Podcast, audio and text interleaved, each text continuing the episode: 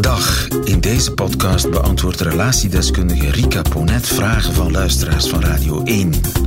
Vragen over familiale kwesties, relationele knopen, kapseizende huwelijken en krakende vriendschappen. Vraag het aan Rika.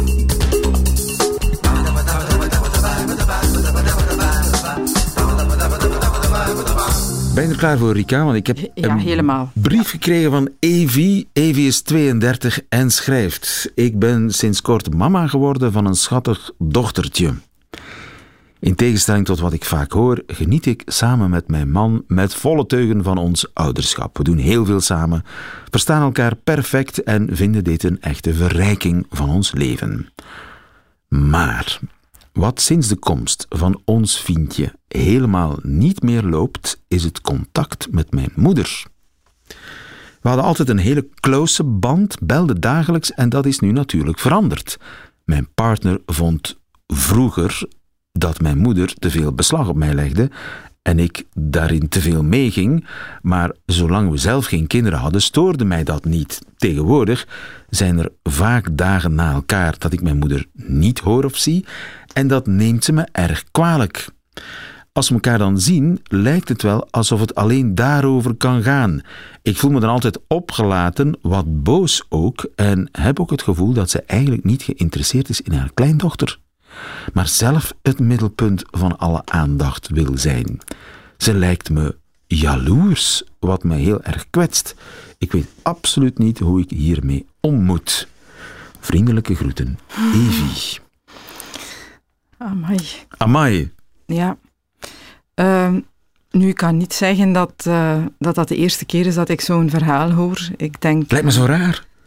Ja, Grootmoeder worden is toch zalig? Kan ik Ja. mij voorstellen? Dat is het, ehm, het algemene beeld. Hè. Je hoort dat. Hè. Eh, ik heb een goede vriend die eh, grootvader geworden is en dat dan het meest fantastische vindt. Hè, wat hij in zijn leven meegemaakt al heeft, denk ik. Ehm, misschien nog fantastischer dan zelf kinderen krijgen. Ja. Een soort van aandacht die daar dan kan naartoe gaan, die, waar je voorheen niet de tijd of de mogelijkheid toe had. Maar dat is zoals andere ideaalbeelden rond ehm, het familieleven.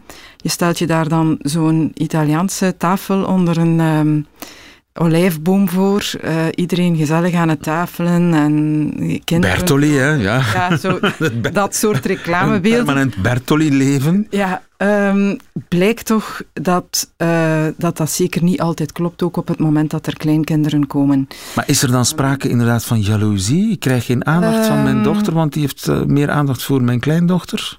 Ik denk dat dat daar echt, Echt kan waar? spelen. Ja, en natuurlijk is dat niet het soort jaloezie. Ik, ehm, ik wil die kleinkinderen niet, maar wel de tijd die voorheen naar mij ging. En eh, wat ik wel belangrijk vind, mijn kinderen moeten eigenlijk er een stuk zijn voor mij, voor de invulling van mijn leven. Dat is wat daaronder zit.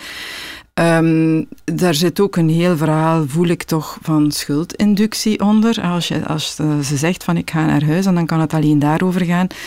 Dat hoor ik heel vaak in de praktijk. Zo mensen die zeggen, ja, als ik naar mijn moeder bel of daar naartoe trek of naar mijn vader, dan is het altijd, ah, je leeft nog. Hè, of ehm, je zou het geld geven om u te zien. Ehm, en dan het allerslechtste, of de allerslechtste manier om daarop te reageren of daarmee om te gaan, dat is dan zeggen, ja, maar ja, de telefoon werkt in twee richtingen, of het is van bij jou even ver. eh, Waarom is dat zo verkeerd? Ehm, ja, eh, eigenlijk hou je dan het spel ehm, gaande. Het spel dat zij willen spelen. Hè. Want wat doen zij eigenlijk? In dit geval zal dat ook zeker zo zijn. Ehm, zij voelt zich dus eh, kwetsbaar in haar alleen zijn. Ze heeft nood aan de nabijheid, hè, want dat is de boodschap die daaronder Oma. zit. Oma heeft nood aan de nabijheid van haar dochter. Hè. Dus ze heeft die altijd gehad. Er is een heel close band geweest. Daar is een verlieservaring. Hè. Ik denk dat we daar eerlijk moeten in zijn. Ja, ze zegt het ook. Voorheen belden wij dagelijks. Nu horen wij elkaar veel minder. Bovendien, hè, ze is helemaal gelukkig in dat verhaal met de partner en het kindje. Dus eh, alles gaat daar naartoe. Oma voelt zich buitengesloten uit dat verhaal. Dus daar zit een verlieservaring op. Um, dat uh, maakt dat ze zich heel kwetsbaar voelt, oma.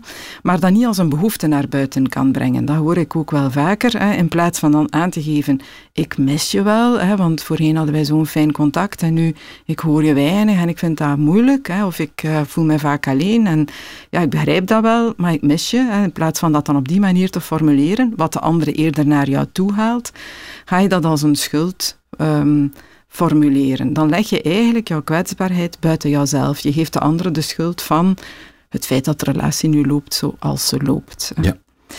Jij hebt een eh, probleem. Ik heb geen probleem. Heb jij, hebt, jij hebt een probleem. En jij moet dat oplossen. Jij bent degene die een verantwoordelijkheid hebt naar mij toe. Jij moet mij gelukkig maken. Dat is, dat is, uh, en heel vaak zijn dochters of zonen van ouders die zo zijn, daar al heel lang in geprogrammeerd. Hè, in, dus dit ehm, is al veel langer aan de gang. Absoluut, ja. Dat is, is iets wat nu echt boven komt, acuut wordt. Wat eigenlijk onderhuids, dat zegt ze ook, dat schrijft ze ook. Ja. Tot nu toe was dat oké, ik bedoel... Ja, het stond niet in de weg. Hè. Er waren wel opmerkingen over. Een partner brengt dat meestal al een stukje naar boven. Hè, van hallo, het contact met je ma, dat is wel heel intens. Hè? Of nogal dwingend. Hè?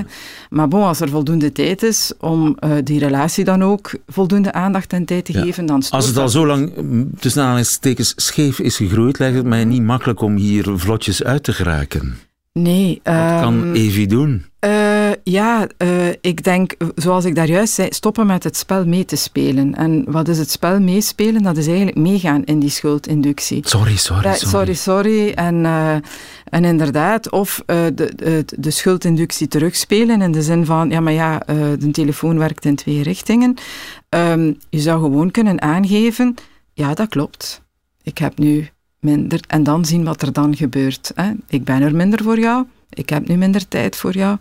Maar dat is ook logisch. Ik heb nu een kind en dit is ook mijn eerste verbinding, of dat is nu het eerste waar mijn tijd en mijn energie naartoe gaat. En, en dat wil niet zeggen dat ik jou niet meer graag zie. En wat zou er dan in het beste geval kunnen gebeuren? Na, uh, nadat je dat gezegd dan, hebt? Uh, weet je, lieve, ik heb het zelf al uitgeprobeerd. Oh, Oké. uh, dat is misschien een rare bekentenis, maar ik heb een moeder die daar ook nogal goed in is. Alright. Ja.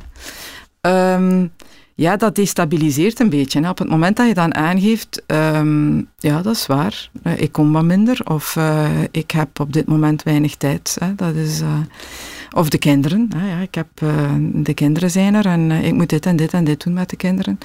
En dan zie je dat dat aan de andere kant een stukje ja, slikken is, een vorm van destabilisatie met zich meebrengt. Ze ook niet altijd heel goed weten hoe daarmee om te gaan. Maar dan wel die schuldinductie stopt. Want dat is hetgene wat ook voor haar heel onaangenaam is. Eigenlijk, dan staat je eigen leven in de weg. Ehm, de ma heeft niet het recht om alleen maar die dochter als invulling van haar leven te zien. Dat is de opdracht. Het is niet mijn opdracht om mijn moeder gelukkig te maken. Het is ook niet haar opdracht om het leven van haar mama invulling te geven. Ik ben belangrijk voor mijn mama, Evie is belangrijk voor haar mama, maar uh, niemand kan eisen van zijn kinderen dat die er alleen maar zijn voor uh, hun plezier en hun geluk. Dus, um, en hoe is dat durven... dan afgelopen, als ik dan toch die bekentenis mag... Uh...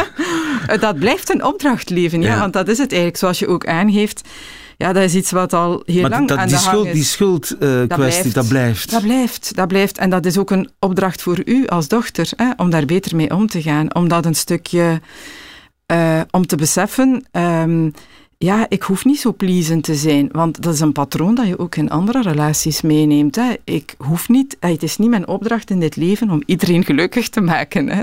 Dat is een, uh, prachtig als je dat probeert, um, maar dat, als dat ten koste gaat van jezelf en je eigen leven, je mag daarin ook jouw keuzes maken en uh, kiezen voor datgene wat jou vandaag gelukkig maakt.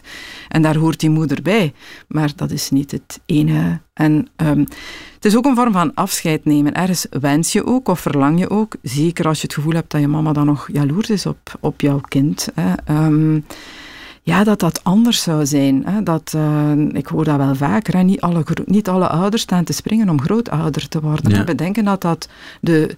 Ja, voor veel mensen is dat ook een confrontatie met het ouder worden. Um, willen zelfs daar niet speciaal nou, dus band mee opbouwen. Samengevat, we hebben niet de eh, oplossing voor Evie, maar ze moet uit die cirkel van schuld... Inductie geraken en, en van dwang en, en, dwang. Ja. En, en, een stukje aanvaarden, dit is mijn moeder Dat zal nooit de oma zijn die ik misschien droomde voor mijn kinderen, hè, of die ik graag had gehad voor de kleinkinderen van mijn, van mijn moeder.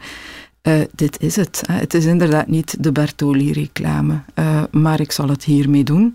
En ik probeer alleen voor mezelf het voldoende te begrenzen. En te genieten van het geluk dat er wel is, laat dat duidelijk zijn. Ja, maar ze is lang niet de enige met een gelijkaardige situatie. nee, Evi, dankjewel voor je vraag en ik hoop dat wij jou op weg hebben geholpen naar de oplossing. U zelf een vraag voor Rika Ponet? Stuur ze dan naar nieuwefeiten.radio1.be. En wie weet hoort u het antwoord in een volgende podcast. Namen worden sowieso veranderd.